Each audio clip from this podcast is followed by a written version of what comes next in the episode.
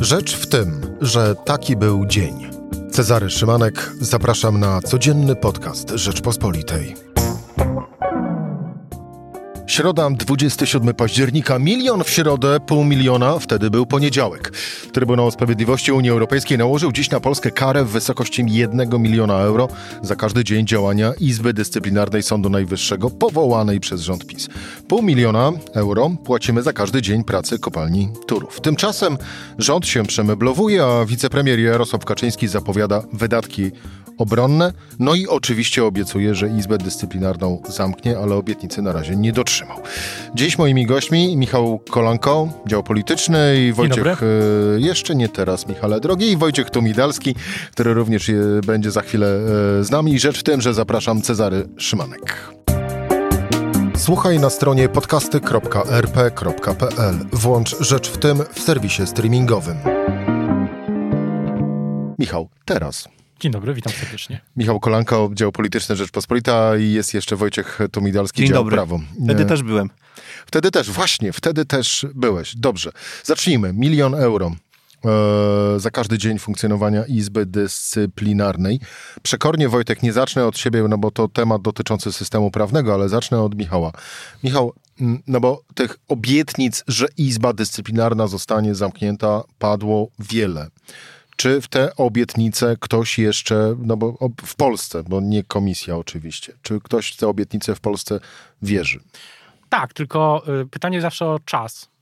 Bo czas y, w polityce ma duże, duże znaczenie. Z tych rozmów, które ja y, przeprowadziłem przez ostatnie dni, tygodnie, już przed tym, y, przed tym dzisiejszym wydarzeniem, z tego z tych rozmów wynikało, już mówię w czasie przeszłym, bo to było przed oczywiście, że, że likwidacja Izby Dyscyplinarnej, te zmiany w sądownictwie, które zapowiedział prezes Kaczyński y, kilka dni temu w, w, w rozmowie w jednej z audycji, w jednej z rozgłośni, to były, to jest kwestia, mm, że do tego, do końca tego roku ma to trafić na biurko pana prezydenta. I to jest oczywiście scenariusz mm, taki, no, jeden ze scenariuszy, ten, który moi rozmówcy twierdzili, że to jest najbardziej prawdopodobne. I druga rzecz bardzo ważna, ten, ta zmiana, izby, likwidacja Izby Dyscyplinarnej to jest w pakiecie z tym wszystkim, z całą resztą. A cała reszta, ja mam wrażenie, że dziwne wrażenie, że Komisji Europejskiej się bardzo nie spodoba.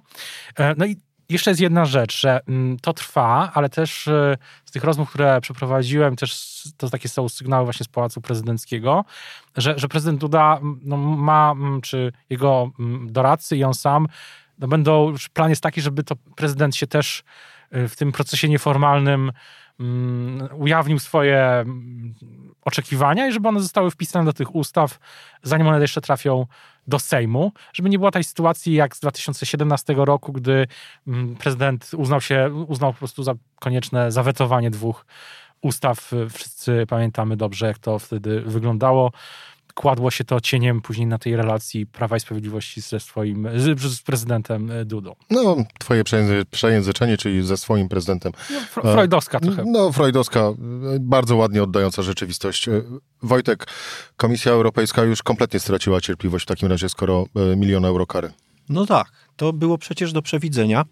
E, mówią wszyscy, z którymi rozmawiałem, a rozmawiałem z ekspertami, którzy no, bardzo sprzyjają stronie rządowej, jak i tymi, e, którzy raczej patrzą na, na ich poczynania krytycznie, że to jest dużo pieniędzy, które wszelako można było zatrzymać w swoich kieszeniach, bo rzecz była do przewidzenia.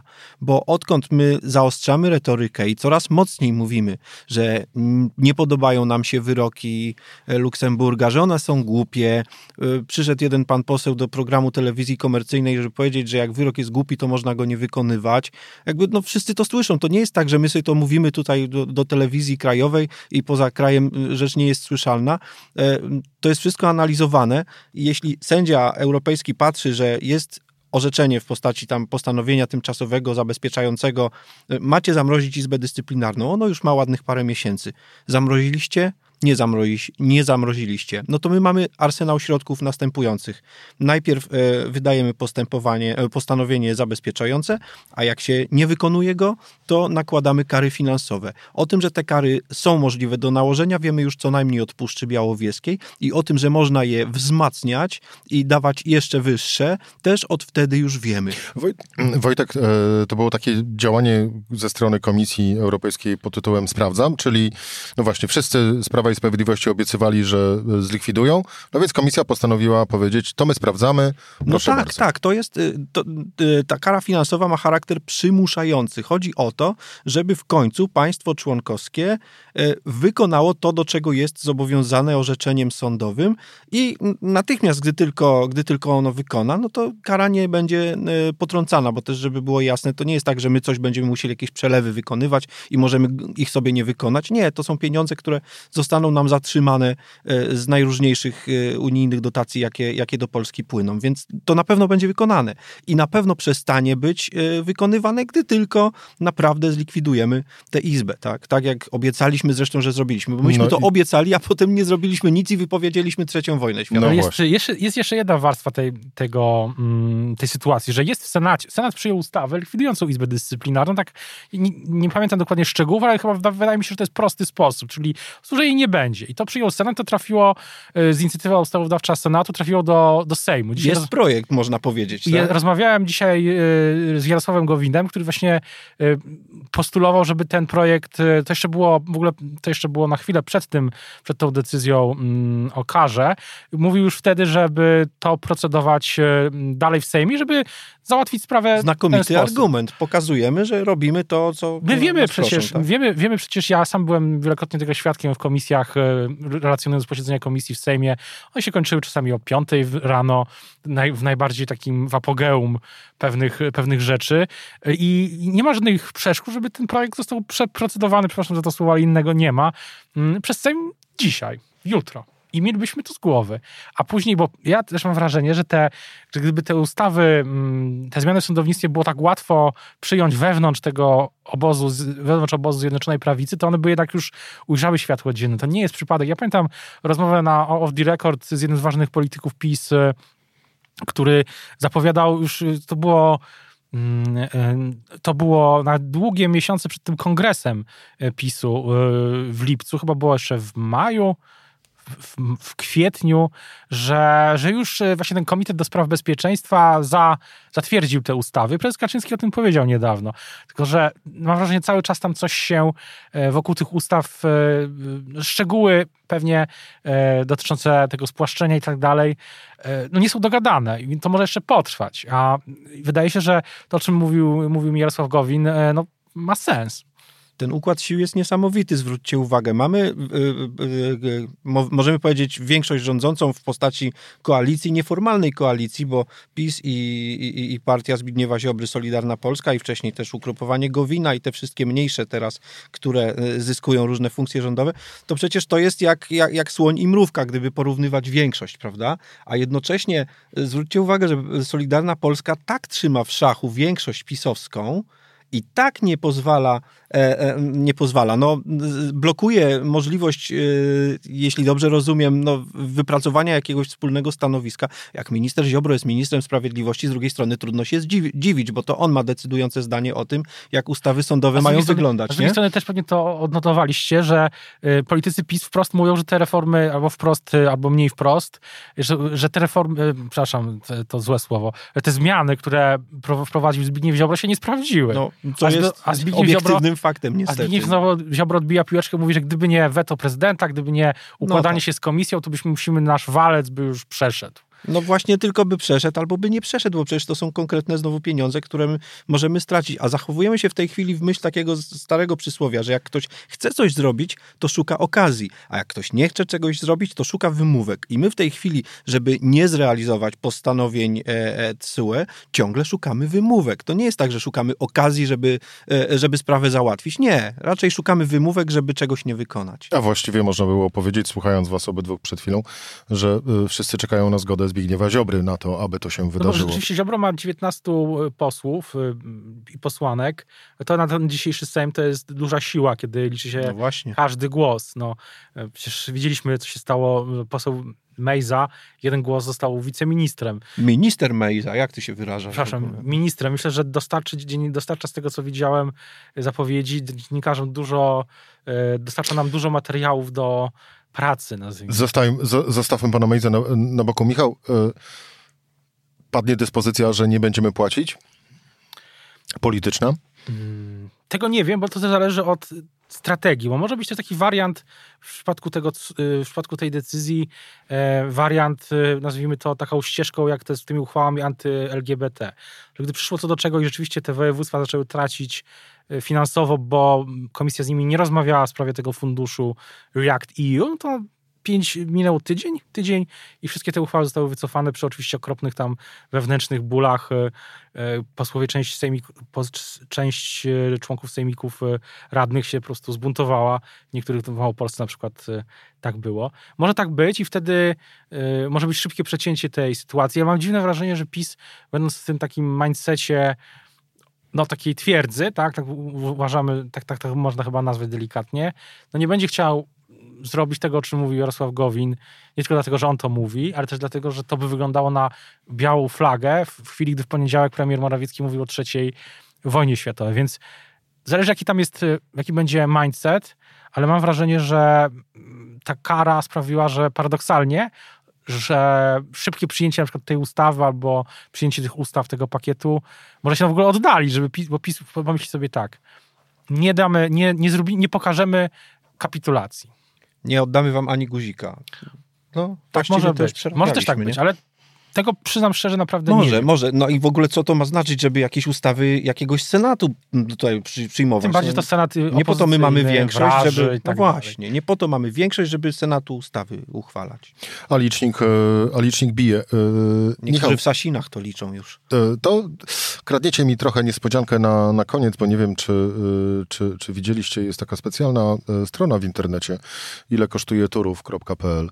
No, no i w tej chwili, jeżeli jeżeli chodzi o kopalnię Turów, no to jest to już niespełna 19 milionów e, euro, co w przeliczeniu mm, na wspomniane przez ciebie Wojtek e, Waluty, wartości tak. to jest 1,25 e, Sasina. No to teraz szybciej będzie. Teraz będzie, będzie szybciej, jeżeli połączymy obydwie kary w jedną, w jedną całość. Michał, czy te zmiany w rządzie, mm, bo trudno nazwać to rekonstrukcją, a raczej przede wszystkim spełnieniem mm, spełnieniem warunków e, stawianych przez nowych koalicjantów Prawa i Sprawiedliwości. Te zmiany w rządzie to, to jest koniec, czy będą kolejne? Na dzisiaj e, jeśli, mm, jeśli ta większość nie będzie miała nowych żądań, ale chyba na chwilę jest usatysfakcjonowana, to tych e, takich poważniejszych zmian nie będzie do stycznia. I wtedy do stycznia lutego, wtedy z rządu ma odejść Jarosław Kaczyński, wicepremier i e, szef PiS, oczywiście prezes PiS. Więc wydaje mi się, że na chwilę to jest e, e, stop ze zmianami. Wtedy no, każdy z tych nowych ministrów i pani minister Moskwa, pan minister Kowalczyk, minister Nowak, no, ma bardzo wiele rzeczy do zrobienia. Najwięcej chyba na swoim talerzu ma minister rolnictwa, bo musi na przykład E, no musisz spróbować dogadać z, z rolnikami. Z drugiej z strony... Michałem Kołodziejczakiem na przykład. Na przykład, ale też z drugiej strony powrót Henryka Kowalczyka jest też o tyle do, ciekawy w swych niuansach, że przecież wszyscy pamiętamy, był taki czas, że Henryk Kowalczyk był no, pokłócony z Jarosławem Kaczyńskim. Bo rok temu był pokłócony z Jarosławem Kaczyńskim, kiedy sprzeciwił się piątce dla zwierząt. No minister, i? no i teraz uznano, że to jest w ogóle moim zdaniem najważniejsza zmiana. Jeśli najważniejsza rzecz dzisiaj, moim zdaniem, w polityce, jeśli chodzi o Prawo i Sprawiedliwość, to jest to, czy jedna z najważniejszych, bo to oczywiście jest masa jednej, mhm. innej rozmawialiśmy przed chwilą, właśnie co z, tą, co z tym rolnictwem? Czy uda się zmienić, odbudować nie tyle wizerunek, co poparcie na wsi?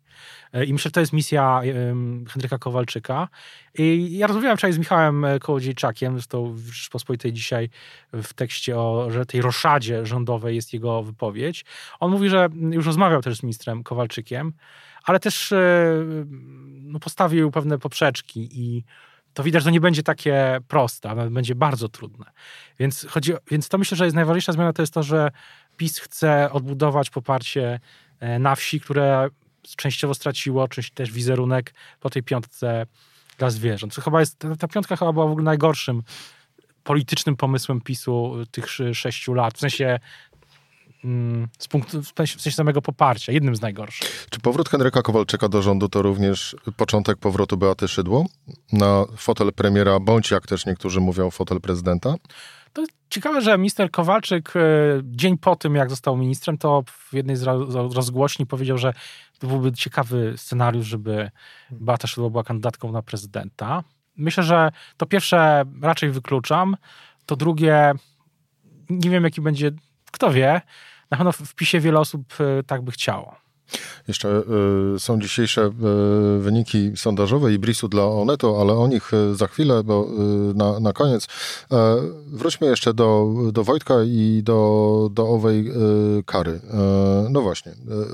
zmiany, rekonstrukcja absolutnie nie dotykają resortów kluczowych z punktu widzenia tego, co dzieje się w wymiarze sprawiedliwości i naszych, nazwijmy to w cudzysłowie, relacji, a właściwie relacji PiS z Komisją Europejską i Trybunałem Sprawiedliwości e, Unii e, Europejskiej.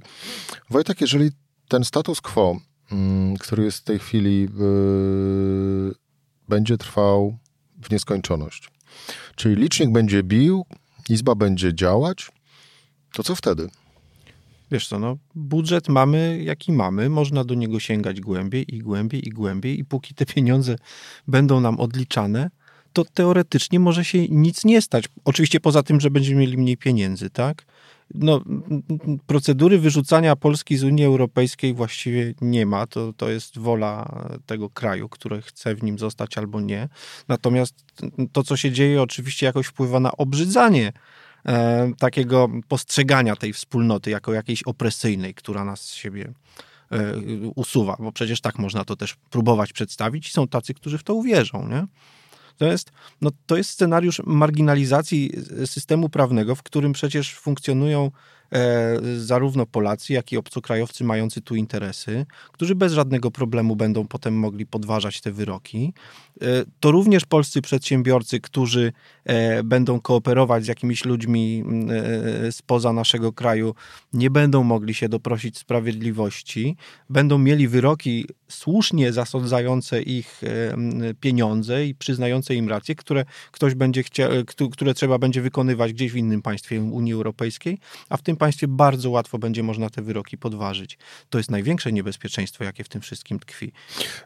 E, Korci mnie jeszcze, no, mus, musimy jeszcze chwilę zajrzeć e, do gabinetu e, osoby, która jest pierwszym prezes Sądu Najwyższego, tak. czyli pani sędzia Manowska. Mm, ja pamiętam przecież jej słowa, swego rodzaju apele do polityków, które pozostały bez odpowiedzi właściwie, do polityków opcji rządzącej. No, to, polityczne apele sędziów zawsze są, no właśnie. Za, zawsze są odbierane no, trochę dziwnie, prawda? No to, to nie brzmi, to nie jest wszystko na swoim miejscu. Jednak sędzia jest od tego, żeby zajmować się sądzeniem. E, polityk jest od tego, żeby rozwiązywać problemy, a, je, a nie je tworzyć, a tutaj pomieszaliśmy wszystkie porządki. Zmierzam, zmierzam do tego, czy sędzia Manowska jest jakimś um, czynnikiem, przepraszam za to określenie, Aha. które może poruszyć pewne trybiki w jeżeli chodzi o proces zmiany. Wiesz co, z biegiem czasu coraz bardziej w to wątpię, a jeszcze chwilę i dojdę do wniosku, że, że pani prezes Manowska e, będzie jednym z tych sędziów, których w Sądzie Najwyższym zabraknie, kiedy wejdzie w życie to, co Jarosław Kaczyński nakreślił, mówiąc, że to będzie taki ma, mały sądzik e, okrojony właściwie prawie z wszystkiego i może się okazać, że, że, że również dla sędzi Manowskiej zabraknie w nim miejsca i to byłby najbardziej zadziwiający paradoks, ale też możliwy. A z tego, co słyszałem, to prezydent Duda się liczy z jej zdaniem to bardzo miło. Tylko czy Tylko, że coś z tego wynika no, ale i czy jeszcze ktoś się liczy ze zdaniem prezydenta? No, ale, no, jeśli chodzi na przykład o Lex TVN, to widzieliśmy, jak wygląda sytuacja, że -hmm. prezydent w sierpniu 15 powiedział, że nie będzie, dał zrozumienia, że będzie weto i sprawa zniknęła. Jest w teraz e, jest po prostu zamrożona. Ale tak? to wszystkim bardzo na rękę było, że on to powiedział, prawda? Ja nie to, wiem, czy to, nie była, taka jego autonomiczna ja się zastanawiałem nawet, ja się zastanawiałem ostatnio, czy to nie była jakaś... E, ustawka. Ustawka, no bo no, właśnie swoje cele... Chciałem, właśnie. Nie chciałem tak wprost, ale... ale no. Wracając, ale myślę, że tutaj sprawa z, z, z tym z sądownictwem e, no, no, raz już zawetował ustawę. No jasne. Ale to nie była ustawa. I ta twoja e, freudowska pomyłka jakoś no, no, no ma, ma swoje miejsce w tym wszystkim, bo to jest prezydent, e, który to współdziała jest, z formacją rządzącą.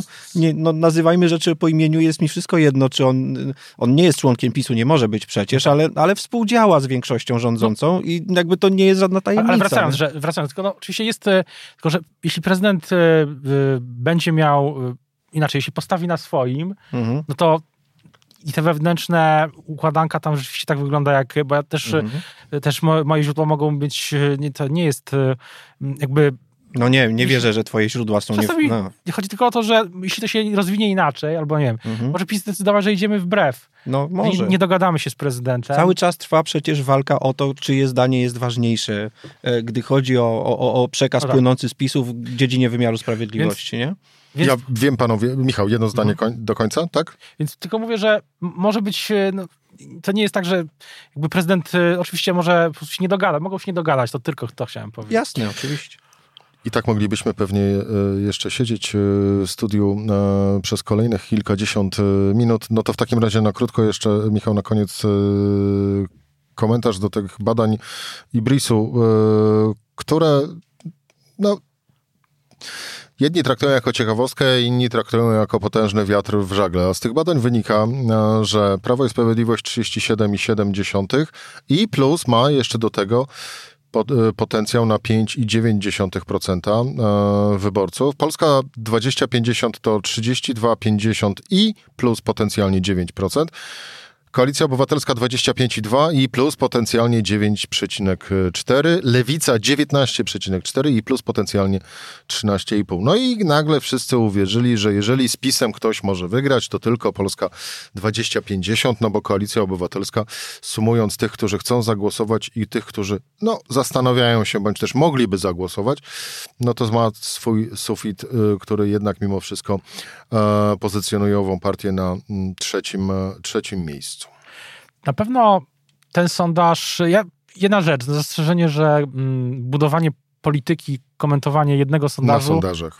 jest, y, bywa ryzykowne, ale y, No Dlatego powiedziałem, że potraktujmy to jako małą ciekawostkę. ciekawostka na pewno wzmacnia to argumentację Szymona Hołowni, daje mu Wydaje mi się, że ostatnio o, ten w poniedziałek miał, w poniedziałek miał tą, te konsultacje, mm, dobrze przyjęte, cała opozycja tam była, był też właśnie Jarosław Gowin, wszyscy się zgodzili, chodzi o te kwestie energetyczne, mniej więcej co do, jak myślę, no wagi przynajmniej sprawy, jeśli bo szczegóły, zapewne ważne szczegóły byli, są rozbieżności nadal, więc myślę, że Szymon powoli ten impet y, troszeczkę odbudowuje. Na pewno jedne co, mówiąc w skrócie, ten sondaż po prostu mu politycznie się przyda. Michał Kolanko, dział polityczny, dziękuję bardzo. Dzięki. Wojciech Tomidalski, dział prawny. Dziękuję. Oczywiście Rzeczpospolita. Cezary Szymanek, do usłyszenia jutro, czyli w czwartek o tej samej porze.